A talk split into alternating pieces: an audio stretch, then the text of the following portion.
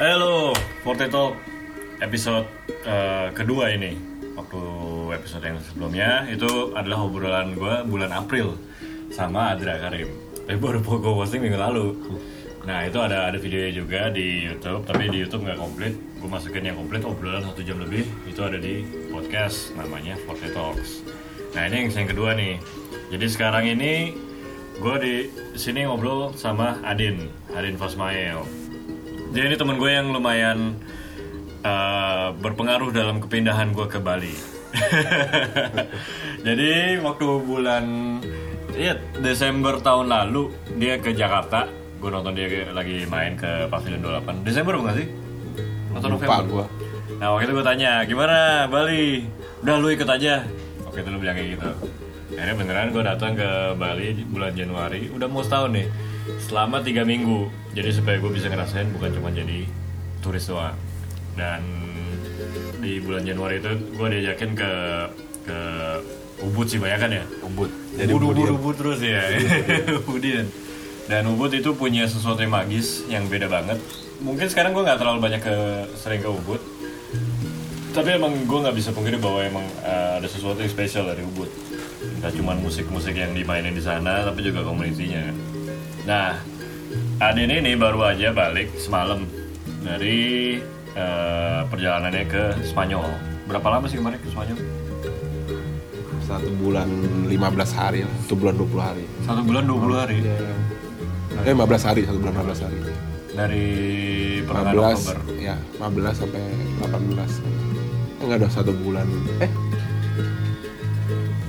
berarti dua bulan dong? Iya. Sekarang tanggal berapa? Enggak, karena 18 No, 20. 20 oh iya. Sebulan. Ya, hampir sebulan. Bulan cuma lebih beda lima hari ya? Ya, berapa hari gitu. Sama Angela Lopez Iya. istrinya. Ya gue sampai lupa sih. Tanggal tuh waktu sampai lupa. Jadi apa nih? Apa ini udah keberapa kali lo ke Spanyol? Kedua kali. Kedua kali? Waktu pertama kali itu tahun berapa 2016 2016 itu di Albacete juga yang sekarang Albacete, sama. ya. ini adalah eh, kota kelahiran atau kota tempat? Kota kelahirannya Angela. Kota kelahiran Angela. Orang tuanya juga di sana. Di sana ya. Di Albacete Berarti kalau misalnya eh, dalam kan udah dalam dua, dua minggu hampir dua minggu nih. Ah, kegiatan lo apa aja sih di sana yang boleh? Hampir selain ya main, main ngeliat ngeliat kotanya seperti apa ngeliat budaya seperti apa ya kemarin sih gue ada pasti nonton konser. nonton konser nonton konser beberapa kali. Terus ketemu keluarga kan terus sama ya gue pengen lihat flamenco tadinya kan. Tapi trip yang kali ini sebenarnya fokusnya lebih ke keluarga. Gitu kan. karena udah lama nggak ke sana terus tiba-tiba ada tawaran main sama tawaran ngasih konser. Hmm, sama ngasih workshop sorry. Oke. Terus ada beberapa eh, hal yang menarik juga ketemu orang yang nggak disangka-sangka ternyata punya pengaruh ini gitu kan untuk networking terus dan apa banyak ketemu hal-hal yang berpengaruh secara musikal juga terhadap gua pribadi gitu kan. Gue sebenarnya ke Spanyol itu sebenarnya ada ada ini juga sih ya. Secara nggak langsung dalam diri gue itu ketika gue sampai sana ada pengen ngukur gitu. Lu sampai mana sih? oh kemampuan lo kemampuan lo gitu kan Oke. maksud gua jadi uh, karena sekarang informasi tuh gampang banget kan banyak banget gitu. Lo mau belajar ini udah banyak. Tapi kan ketika lo mau memilah itu gua buat gue lo harus bisa ngukur itu kan. Apa yang lo mau lo pelajarin gitu kan atau apa yang lo mau lakuin. Ketika ke Spanyol itu gua merasa banget karena gue main flamenco. Jadi apa yang bisa gue lakukan dengan flamenco itu ketika ke Spanyol itu jadi lebih banyak informasi gitu apa yang mereka udah lakukan di sana gitu kan. Terus apa seba, gua sebagai orang orang Indonesia mempelajari budaya flamenco apa yang bisa gue lakukan terhadap budaya ini gitu kan. Di mix dengan budaya Indonesia atau di mix dengan budaya lain atau bikin musik yang belum banyak orang lakuin gitu. Jadi ke sana tuh lebih lebih lebih lu lebih apa ya lebih kelihatan lah lu mau ngapain gitu. Ya karena ada pertukaran langsung pertukaran idenya dengan pelakunya di sana ya. Ya benar. Ya menurut gue sih emang itu yang yang gue sendiri juga suka di di Bali gitu. Karena langsung ketemu sama orang-orang dari macam-macam negara di dunia. Dan langsung ada ideas exchange gitu. Yang mana kalau misalnya di Jakarta itu emang secara umum ya itu kita juga ketemu orang. Tapi ya rata-rata emang orang Indonesia juga kan Ya. karena pelaku pelaku industri musiknya gitu. Ya musik industri industri musik. Dan kalau kalau di di Bali beda dengan orang-orang yang punya latar belakang beda. Apalagi ketika lo ke Spanyol langsung gitu ke Eropa lah. Kan ya dan apa ya gue juga dapat eh, informasi atau gambaran lo menjadi musisi di sana tuh seperti apa gitu kan. Ada yang beda nggak? Jauh banget. Bedanya tuh eh, dari dari hal teknis dan non teknis ya dari teknis itu eh, lu mau latihan aja sulit di sana. Sulit. Sulit. Karena lo menghadapin contoh kecil itu weather lah cuaca gitu. Gue ngerasain sendiri gue ke sana pas autumn gitu kan. Autumn itu kan dari summer mau uh, peralihan ke winter kan. Ya jadi cuaca itu nggak nentu. Hmm. misalnya sekarang lo agak anget nih ada matahari besok tau tiga derajat ya. Oh oke. Dingin gitu. Belum jadi terus kalau lu nggak punya fasilitas itu kan yang kayak ini kayak non teknis ya di rumah penghangat apa lu nggak bisa latihan kan. Jari lu tuh beku gue jadi gak bisa main gitar di luar rumah gitu kan. Jadi gue ngeliat hal kayak gini aja tantangannya lumayan banget ya buat orang Eropa gitu kan. Oh. terus eh, apresiasi yang mereka dapat juga. Nah nanti kita ini ngobrolin soal ini juga. Ini ini banyak juga. Eh, tantangan untuk jadi musisi tuh sulit banget. Lo kayak kemarin gue nanya-nanya misalnya kayak di Madrid kota besar gitu lo mau main di tempat yang bagus top gitu. Kayak misalnya di sini kayak Riosi lah atau misalnya di Jakarta kayak di motion apa di motion blue ya Ah. motion blue gitu kan itu bayaran rate-nya tuh kalau nggak salah 70 euro kan di sana nah, 70 euro 70 euro euro satu jutaan ya lu menjadi musisi ya menjadi musisi di kota gitu Hmm. bukan menjadi musisi yang lu tiba-tiba jadi artis itu kan Hmm. lain cerita lagi Ya, ya. tapi Sessionis gitu atau enggak lu main di cafe Oh, atau oke. apa gini kan yang seperti misalnya di di Jakarta lah Hmm. gitu kan misalnya kayak teman-teman kita main sama orkes atau apa itu penghasilannya segitu lu bisa bayangin nggak mereka harus bayar ya biaya hidupnya lebih biaya tinggi hidupnya lebih tinggi kita. gitu kan terus ke mana-mana juga uh, kayak transportasi mahal Berarti bayarannya sebenarnya mirip-mirip sama seperti di Indonesia? Ya sedangkan di Jakarta gitu. sebenarnya lebih nyekek di sana sih dibanding di Jakarta Iya iya maksudnya apalagi karena di- dibandingkan dengan biaya hidup yang lebih tinggi kan. biaya hidup dan lebih tinggi Hmm. sama pajak kan dan Ah. lagi gini kalau di sana itu lu misalnya udah punya pekerjaan yang tetap lu misalnya jadi apa nih jadi guru Hmm. ya lu terdaftar nih menjadi guru lu nggak boleh main musik live itu yang lebih menurut gua eh, lumayan nyekeknya tuh di situ karena lu misalnya udah lu udah terdaftar nih ngajar di konservatori Mhm. lu nggak boleh main main Terus Lu gimana bisa berkembang dong ya? Jadi eh, melihatnya ini, gue kemarin sempat ngobrolin soal ini sama teman-teman gue. Mhm. Ini lebih ke masalah fair sih, Oh pemerataan kesempatan. pemerataan kesempatan Hmm. gitu. Jadi orang yang nggak berprofesi berprofesi jadi guru, jadi musisi, mereka punya lebih banyak kesempatan untuk main karena mereka nyari duitnya dari situ. Oh, Oke oke oke. Ya, ya, ya. Fair enough gini kan. Jadi menurut gue ya ini balance ya, tapi dan persaingannya juga lebih lebih gila gitu kayak dan lo misalnya udah terdaftar jadi guru misalnya ngajar di konservatori gitu kan dalam satu provinsi gitu. Itu juga belum tentu menjamin status lu karena pertama di provinsi itu ada ada istilah namanya plaza gitu.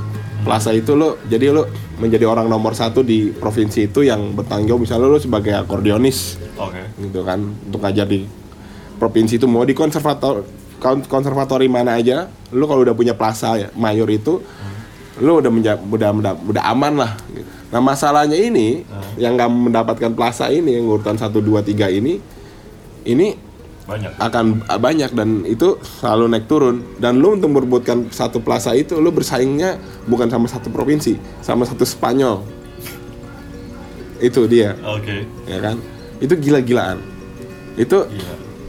dan ah, parah banget. Gue kemarin nah, nanya soal ini lu untuk mendapatkan plaza jadi orang ber- berjuangnya apa ya kalau ngelihat sama teman-teman di sini aduh jauh banget men. Beneran kita maksudnya Yang dihadapi- da- yang dihadapin gitu ya. Berat itu. seberat itu gitu. Kita tuh nggak ada apa-apanya di sini mudah sekali gitu. Dan lu bayangin gini lu tiba-tiba lu belum dapat plaza ya lu udah ngajar di konservatori. Hmm. lu ada di urutan kedua. Hmm. Kedua itu urutan minimal misalnya dari dalam konservatori dalam satu provinsi itu Hmm. tiba-tiba ada yang udah dapat plaza nih Oh. gitu kan jadi ada yang di atas nomor satu otomatis yang nomor satu itu jadi nomor dua kan Jadi lu nggak jadi nggak ada punya. yang nomor dua itu lo nggak langsung jobless It- itu seperti itu men yang Jadi ibaratnya kayak CPNS gitu ya? iya Apa tes tes pegawai negeri sipil, Iya. tapi lu sebagai pengajar gitu. Berarti eh, gimana caranya bisa dapetin plaza itu tadi? ya dites Oke. ada ujian ya itu misalnya nanti Sebagai guru atau sebagai posisi? posisi itu Nggak, posisi sebagai musisi atau apa? sebagai guru nanti? Oh, guru sebagai guru. nggak ada sebagai musisi sebagai guru Oke. itu memang penghasilannya lumayan ya di atas 2000 dolar 2000 euro apa berapa Yang bayar? pemerintah dong Oke. gitu, konservatorinya Oh semua konser- konservatori itu rata-rata emang punya negara. iya konservatori itu adanya sore men Karena siangnya mereka masih tidur siang. nggak sekolah Oh, hah? itu kegiatan di luar sekolah Oh ya? oh lu belum tahu ini Ah ya? belum tahu gimana gimana jadi? jadi konservatori itu sama sekolah beda Gue selama ini kirain kayak gue ke konservatorium musik di UPH itu adalah kuliah. Jadi no setelah gue lulus SMA, gue pergi kuliah ya kuliah musik gitu. nah gue juga dulu mikirnya gitu konservatori kayaknya tinggi banget Nah. gitu enggak men Kalau ini sama seperti lo sekolah. SD nih iya kayak kursus Oke. tapi kursus resmi dari pemerintah Oh. dan Dari anak- SD udah dari ada. kecil ya lu udah bisa milih lu mau ikut konservatori atau enggak Oke. gitu Ya sama ibaratnya kayak kita waktu SD kita ngeles musik atau apa gitu. ya itu konservatori Oh. Tapi kayak resmi gitu ya dari ya resmi dari pemerintah. Oh, wow. gitu. Dan tiap kota tuh ada konservatori. Nah, jadi ya buat teman-teman juga mungkin kalau mikir konserva- konservatori itu kayak universitas enggak. Itu kayak kursus Ah. tapi resmi aja. Tapi ada ada tingkat yang di atas SMA kan? ada ada. Nanti ada namanya konser- konserva- konservatori profesional konservatori superior gitu kan. Oh, oke. Ya, ya, ya. gitu jadi tiap dan tiap bidang ada konservatorinya mau konservatori untuk painting Oh, oke. konservatori untuk dance konservatori apa Bisa sepak bola gitu juga ada. kalau sebenarnya gue nggak tahu deh kayaknya Jadi kayak kayaknya ada di mana gue nggak tahu sih nggak Eh, gue nggak pernah pelatnas nanya itu. ya kayak gue nggak nggak pernah nggak tertarik ya, juga bukan di situ juga. Ya, ya, ya. tapi Oke. kalau di dalam di dalam art seperti itu Oke. jadi ada macam-macam. Dan itu ada superior ada profesional gitu kan. Makanya, dan gue punya teman yang di Albacete juga ngajar di konservatorium profesional superior profesional. Jadi persiapan untuk menjadi profesional. Hmm. itu ada juga. Itu beda. Dan apa ya eh, memang mereka udah punya literatur yang resmi sih ya. Itu dari dari resmi. Jadi mau belajar di mana aja isinya sama gitu. Lu mau belajar solfege misalnya gitu sama dengan lu belajar di Spanyol Utara dan Selatan Oh. karena udah resmi standarisasinya. Tapi kalau misalnya kan flamenco itu kan musik rakyat banget. nah ini lain lagi nih Nah, Hmm. gimana nih? kalau Bukan klasikal soalnya kan. ya sebenarnya flamenco itu yang sering salah tanggap di sini adalah flamenco itu kayaknya kalau di sini orang mikirnya bagian dari musik klasik nggak flamenco itu bukan musik klasik flamenco itu musik folk musik rakyat kalau kita punya keroncong Spanyol punya flamenco gitu. dan flamenco itu belum punya literatur yang benar-benar solid seperti di musik klasik Iya. gitu kan karena ini musik tradisi kan yang buat literatur pertama kali itu aja orang, orang Jepang tahun 70-an Oh iya malah. ya bukan orang Spanyol Wow. jadi eh, dan makanya untuk belajar flamenco sulit itu karena setiap orang itu mempunyai Approach-nya. approach yang beda-beda dan nggak nggak nggak standar gitu Oke. Ya, jadi kalau lo belajar misalnya di Granada sama belajar di Barcelona jadi lo beda gitu ketemu orangnya Karena nggak ada konservatori khusus flamenco gitu. Ya ada sekarang sih, Oh, sekarang. Oh, udah ada oke. di udah ada universitasnya malah sekarang kan. Tapi itu Wow. baru satu di Barcelona Oke. gitu kan. Jadi belum belum merata gitu kayak kayak musik uh, klasik, Klasik, gitu iya. kan. Jadi uh, flamenco itu makanya masih dibilang sulit karena nggak ada pemerataan itu Nah. gitu kan. Ya kayak kita di sini mungkin kalau lo belajar gamelan kali ya kan nggak ada pem- nggak ada pemerataan gitu juga. Kalau lo belajar gamelan di Kalimantan belum tentu kan.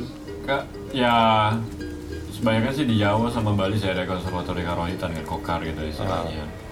Eh, walaupun gue nggak nggak tahu ya gue belum pernah Ya, belum. belum ke situ eh, kayak gimana tapi di kepala gue sih emang eh, mungkin ya mirip-mirip sih dengan si yang, yang tadi lu bilang sekarang udah mulai ada konservatori khusus flamenco gitu di Ya.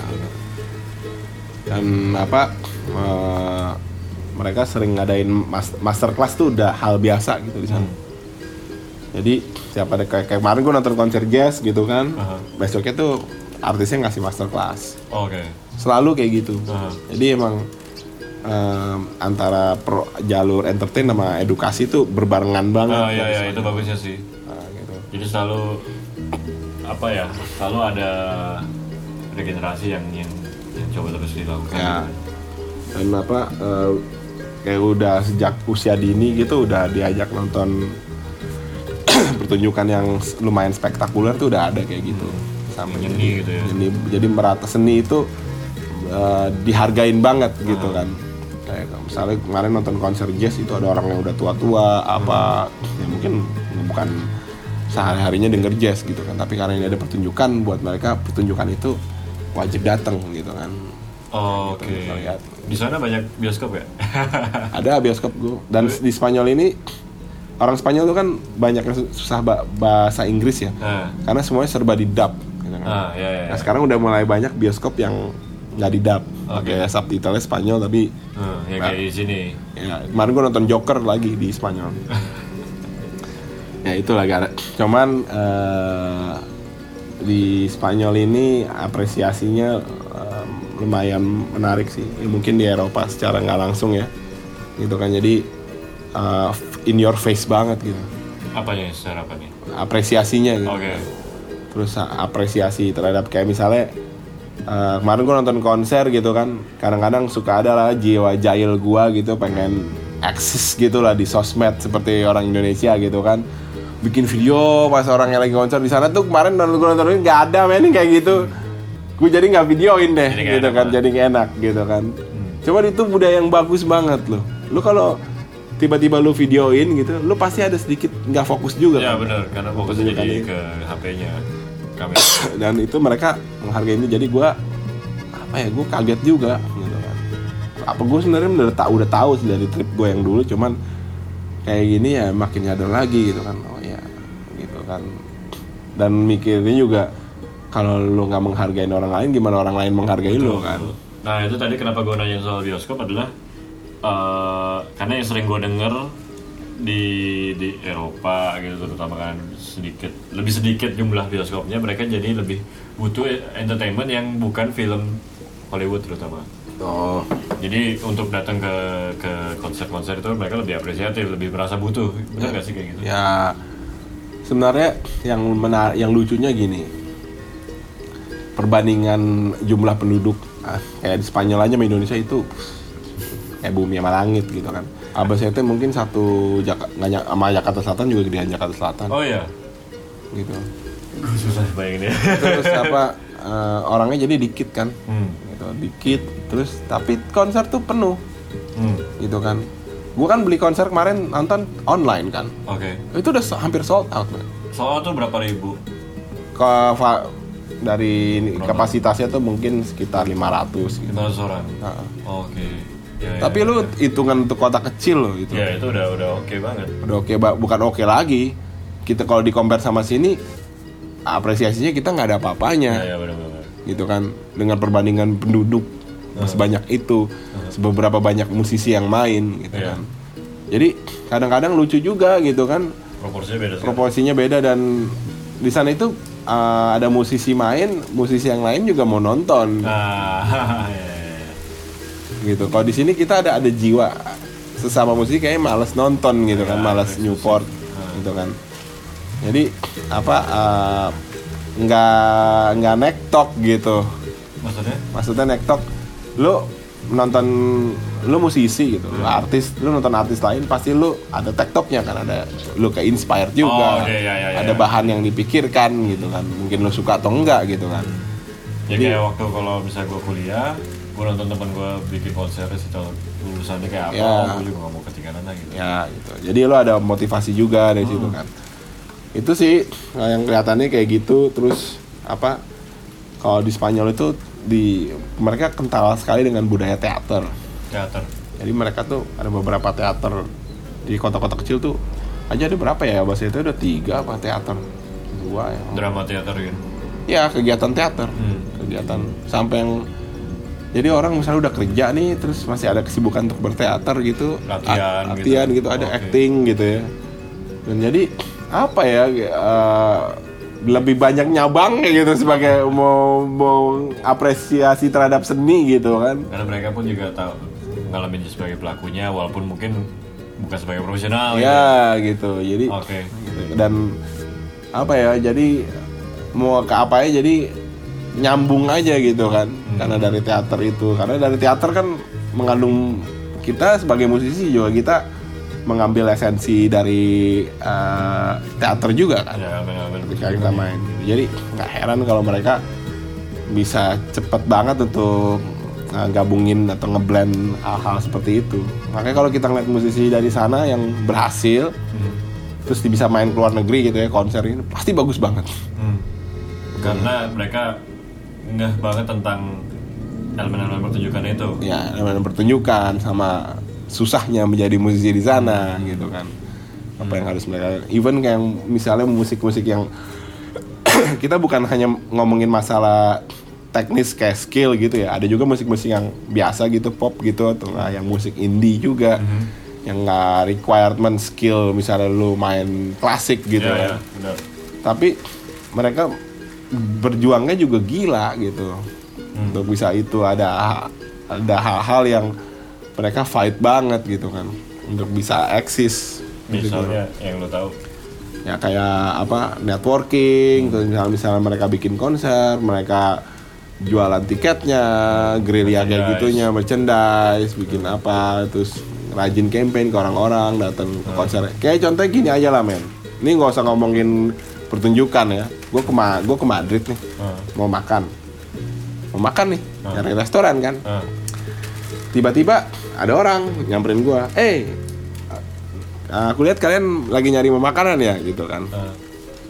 makan di restoran saya aja yuk gitu. Restoran saya nih eh, jalan kira-kira 30 meter. Itu sebelah kiri ada itu lo tau nggak orang promoin restorannya sampai sejauh itu dan di jalan langsung nggak pakai ngomong langsung. Ah. jadi lu ngomongin masalah itu aja. Untuk jualan restorannya aja itu. rela sampai segitu segitu. Gimana lu ngomongin jualan pertunjukan? Ah. Ya, ya, ya. ya kan? Jadi apa ya gua banyak hal yang bisa dipelajarin sih sebenarnya. Gitu kan. Tapi Alba- itu di Albacete. itu di Madrid Oh di Madrid. Karena lebih banyak turis juga ya di situ. turis banyak turis ya banyak banget turis kan Albacete, ya. banyak banyak orang orang dari mana-mana Ah, tapi di Albacete juga seperti itu Oke. orang eh, nyamperin ngejar bola gitu Proaktif ya, proaktif. proaktif eh lu mau mak eh, lagi nyari makanan nggak gitu kan Ini, kita ada restoran di sana gue jadi inget kalau SPG nawarin rokok gitu Oh kan ya ya ya. ya. Tapi gitu. ini tempat makannya jauh. Wah, ya. jauh 30 meteran 3 ada. meteran gitu Sampai nyari ini sampai segitu ya. iya jadi lu bisa bayangin lah Iya. jadi nggak gampang gitu untuk untuk mem- mempunyai hidup hidup menjadi artis itu kan hidup nggak normal ya Iya, lebih lebih lebih apa ya? banyak gejolaknya lah Lebih unpredictable. ya Kita yang mesti men- menciptakan eh, pekerjaan untuk diri kita sendiri. Lebih sering seperti itu gitu. ya nah Ya. itu jadi buat gua gua ke wah gila banyak banget belajar sih sana ngelihat ngelihat hal kayak gitu ya sama terus eh, men, secara mental sih terutama Hmm. kebangun pasti ngeliat yang kayak gitu Jadi kalau mereka aja bisa gak kenapa gitu. Nah ini gue juga mau tanya kalau perba- itu kan perbandingan secara apa uh, kesempatan ataupun tantangan buat buat uh, musisi di Eropa itu. Tapi kalau secara skill tuh perbandingan dengan dengan musisi Indonesia kayak gimana sih? Nah kan lu yang langsung ngalamin langsung. kalau kalau perbandingannya mungkin kalau skill gitu ya karena karena karena kita mungkin lebih banyak eh, Atau taste atau apa? lebih banyak bisanya orang Indonesia ya Lebih banyak bisa. dari ngeliatnya simpel aja dari main elektrik lah orang Indonesia mungkin banyak lebih jago karena di Indonesia itu lebih banyak waktu dan lebih banyak untuk latihan untuk nyari referensi Oke. gitu kan kayak dari banyakan aja banyak kan Jumlahnya aja banyak lebih banyak. Jumlahnya ya. kan di sana lo mau kayak gitu-gitu sulit kan. lo, lo harus berjuang banget gitu kan dan mereka sangat uh, berjuang juga untuk misalnya kayak mau beli alat yang bagus aja Hmm. gitu kan jadi kalau mau beli gitar mereka mau beli gitar yang bagus mereka nabung dulu kan apa untuk dapat itu baru mereka belajar gitu kan kalau kita kan ada ada ada arah kayak gini udah kalau belajar beli yang murah aja dulu Iya betul. Dan banyak di sini produsen yang bisa bikin alat yang murah gitu. ya kalau di sana nggak kayak Nggak gitu ada. alat yang murah pun nggak dijual gitu. Nggak ada tapi Cina kan dari Cina Oh. gitu tapi kalau dari Spanyol sendiri nggak kayak gitar gitu ma- ma- pasti di atas ratusan euro lah berapa Wi- tapi dengan ini apa ya bagus kan jadinya kan lo membeli, membeli suatu produk yang produk yang bagus gitu either lo nggak jadi pemainnya ya setidaknya lo Bisa itu menjadi barang seni juga Ya, ya, ya. Kayak gitulah. Dan makanya kalau comparing sama Indonesia wah banyak jagoan orang Indonesia gini-gini. Kalau misalnya orang-orang teman-teman kita sering kayak gitu ya. Wah Indonesia gini-gini. Ya di Indonesia tuh enak banget loh. Lo main kafe aja bisa beli rumah. Gitu kan? Lo main kafe bisa beli rumah bisa punya keluarga bisa liburan sama anak. Hmm. banyak kok teman-teman kita yang kayak gitu. Hmm. main kafe doang loh. Nah, di sana lo gila kan? Nggak mungkin kayak gitu beda sekali ya. beda sekali ya jadi apa dan padahal mereka udah dibekalin belajar musik secara serius jauh di atas kita ya dari kecil mereka udah ada itu kita kan nggak ada gitu tapi tiba-tiba kita bisa melompat gitu kan kita bisa banyak tahu gini-gini. Karena kita banyak waktunya. Dari cuaca aja udah memudahin Karena kita cuma dua musim. no musim. Gitu kan. Empat musim.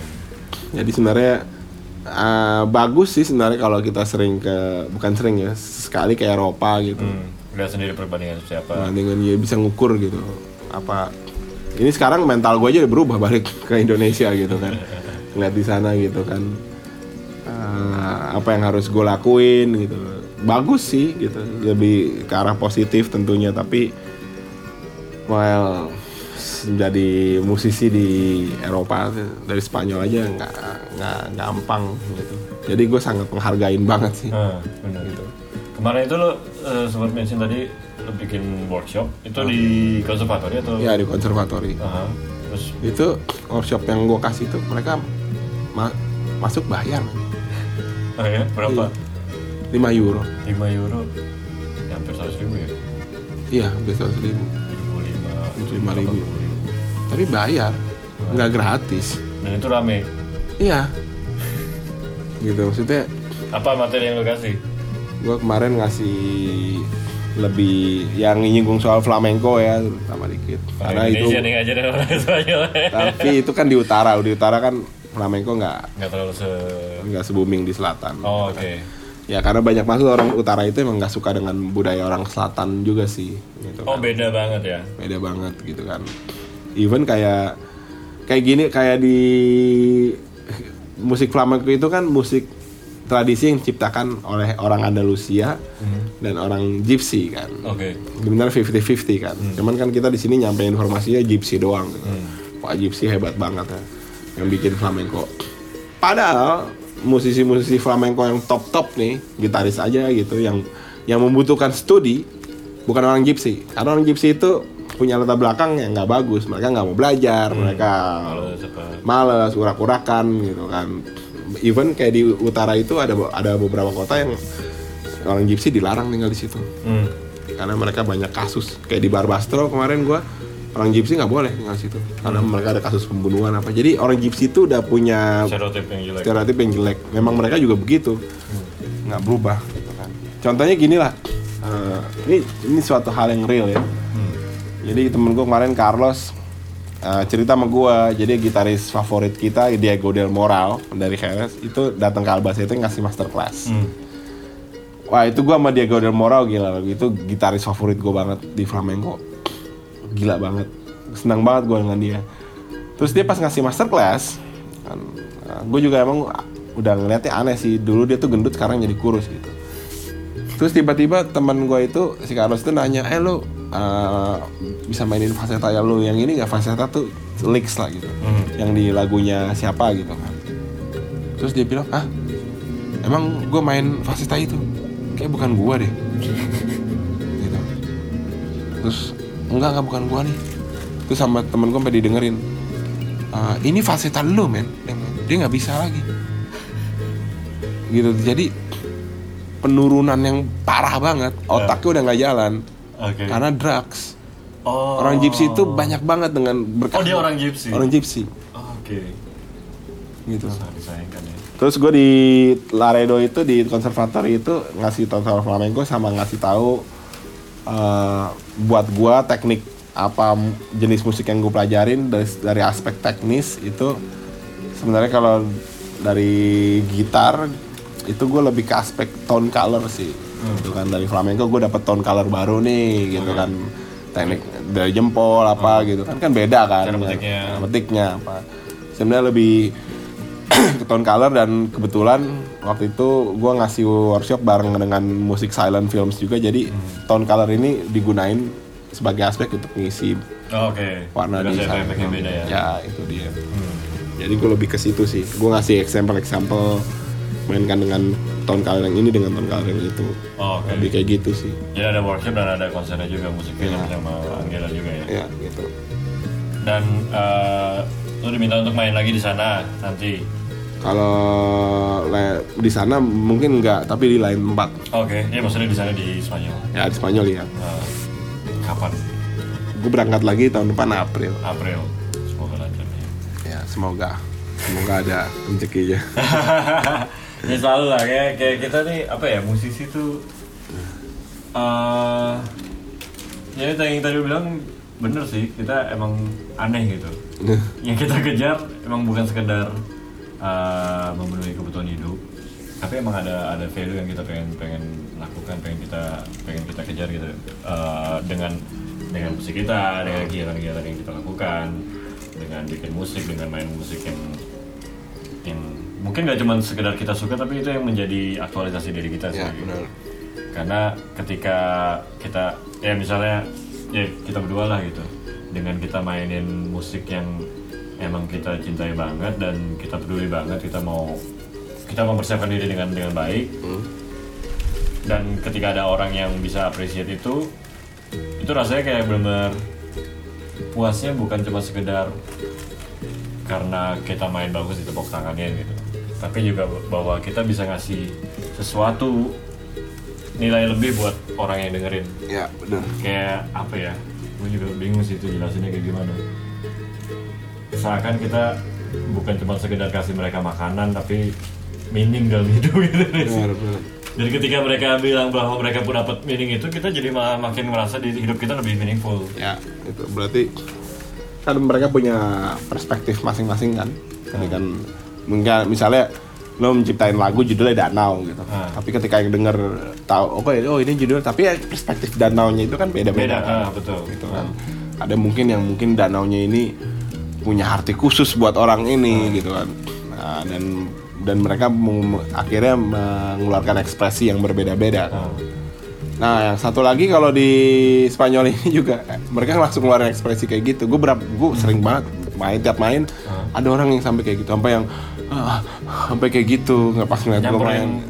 Pas kita main gitu ke bawah emosinya Oh, oke gitu. Gue nggak pernah di Indonesia kayak gitu ngeliat orang sampai kayak gitu. sampai Misalnya kita nyanyi apa gini main terus ke bawah emosi lu ngeliat langsung dari muka dan gerak tubuhnya. Hmm. yang gitu misalnya. Itu bukan satu dua men. Hmm. gitu. terus nangis apa. Eh, oke. Gue terkesima segitunya sampai kayak Iya ke bawah. Berarti mereka menikmati banget. Ya itu mungkin karena nggak pakai handphone kali ya. Ya benar being present. Ya being in the present. Ya nggak nonton sinetron kan ya itu dia, itu dia makanya ya nilai belajar pelajarannya itu sih. Apa buat gue pribadi gue mau janji ya gue akan menikmatin kalau temen gue main sekarang lebih gitu kan. M- mungkin dengan situ gue akan lebih bisa dihargain juga gitu. Ya ya, ya. At least sebenarnya untuk being in the, in the moment aja sih. Ya. itu itu aja udah udah suatu reward sendiri gitu. Gue ngeliat langsung kayak gitu di depan gua kok gue pas lagi main. Terus apa apresiasinya gitu. Apresiasi itu bukan masa basi gitu. Lu ngeliat ketika konser berlangsung apresiasi dengan ekspresi mereka yang ketika nonton pertunjukan lu. Gitu. buat gua itu nggak ternilai sih. Lu bisa menggerakkan orang gitu kan. Iya. dengan dengan seni lu gitu dengan apa yang lu punya. Move someone. Movement. Jadi apa ya ya balik lagi ke Spanyol itu gue sebenarnya buat ngukur sih buat uh, kalau Angela itu ngomongnya uh, we're gonna look uh, where our position again. Gitu. memetakan kita ada di mana. Ah,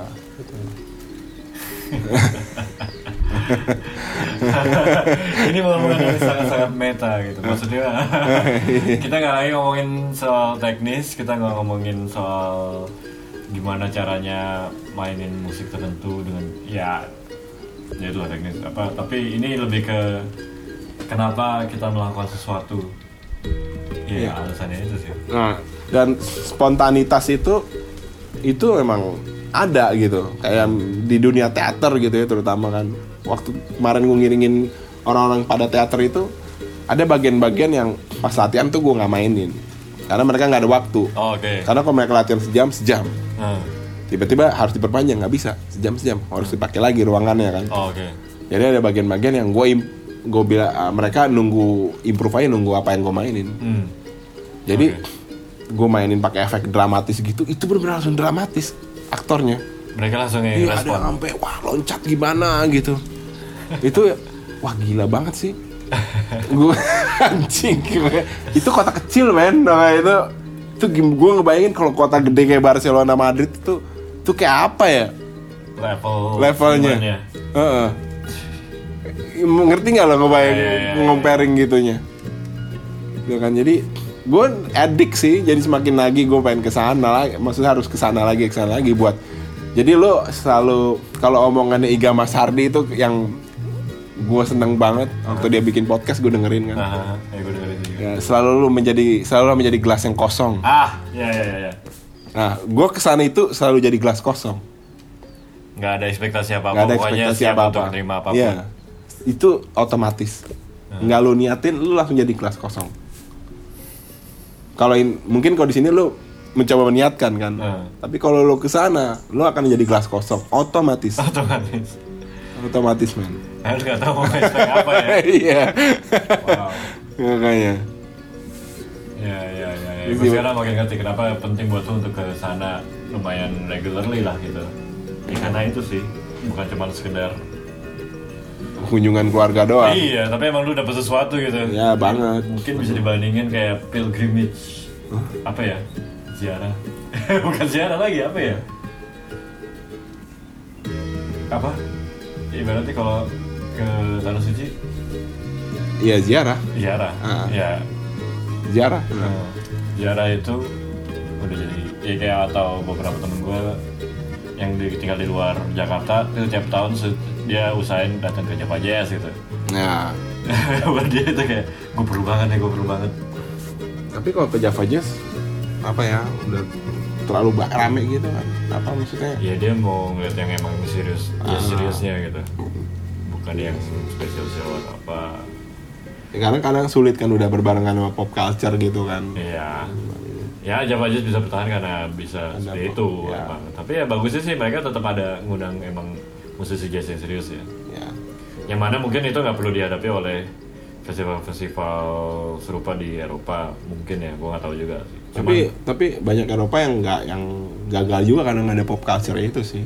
ya hand in hand sih. Gitu. Tapi tetap yang kecil-kecilnya tetap jalan gitu ya. Hmm. Karena itu udah bagian dari budaya kan. hmm. Selain gue pengen banget selain Spanyol pengen ke Berlin sih. Ah, gue juga sih pengen. Betul. Karena sih pertukaran idenya di sana juga sangat-sangat kenceng. Ya gue mikirnya kalau ke Spanyol juga udah ke impact kayak gitu gimana ke Berlin kan. Ya. Mungkin 10 kali lipat ke impact. Berlin, London, ya, London. New York. Ya, London. Dan itu banyak banget festival Hmm. di London. Ya mudah-mudahan siapa tahu ya kita nggak tahu. Yang penting nikmatin aja perjalanannya. Buka sekarang di Bali ini bukan networkingnya kan lebih mudah kan dibanding Bener, bener. di Jakarta Iya, gitu. betul, sama rajin nabung buat kalau ada kesempatan bisa ke sana ya bisa berangkat atau ada jual tiket murah. kan. Nah, itu kemarin. Malaysia. Wah. Ntar gue cek lagi ya. Udah lewat gue baru lihat wah kemarin nih udah lewat. Tapi nggak usah heran di dari Singapura juga Scoot juga ada yang ke Berlin. Cuman 400 euro atau 300 euro. Harus euro. Bolak-balik loh. Wah. Ya, ntar lihat lah. ya, segitu dulu nih, udah 51 menit, 50 detik. Eh, nanti kita akan lanjutin lagi obrolannya dengan eh, Anggela juga untuk sekarang untuk vlog. Jadi stay tune, thank you Din Ya, eh, untuk bagi-bagi pengalamannya. Jadi selanjutnya adalah di Bali mau bikin apa nih? ya Konser Ah. film musik, eh film bisu lagi? ya sebenarnya lebih bikin apa yang ada di otak gue ya sekarang Oh, sih iya. Tabungan jadi gue dari sana tuh nam- banyak ide banget sih ya mungkin bikin musik malu juga Nah, ya kita kan lanjutin yang kemarin deh. yang kemarin terus ada teman-teman datang dari Jakarta kan Ya. kita culik-culikin Ya, itu dia. cuman apa pathnya sekarang di kepala gue lebih clear sih Mau ngapain, mau ngapain gitu kan terus apa yang akan lu hadepin Hmm. gitu loh terus persiapannya gimana gitu kan itu aja sih sebenarnya dan Oke. eh, yang paling penting itu gue enjoy banget Hmm. Ya, sama harus. apa yang gue jalanin gitu It's a good time to be live lah. itu dia Oke, thank you Din. sama-sama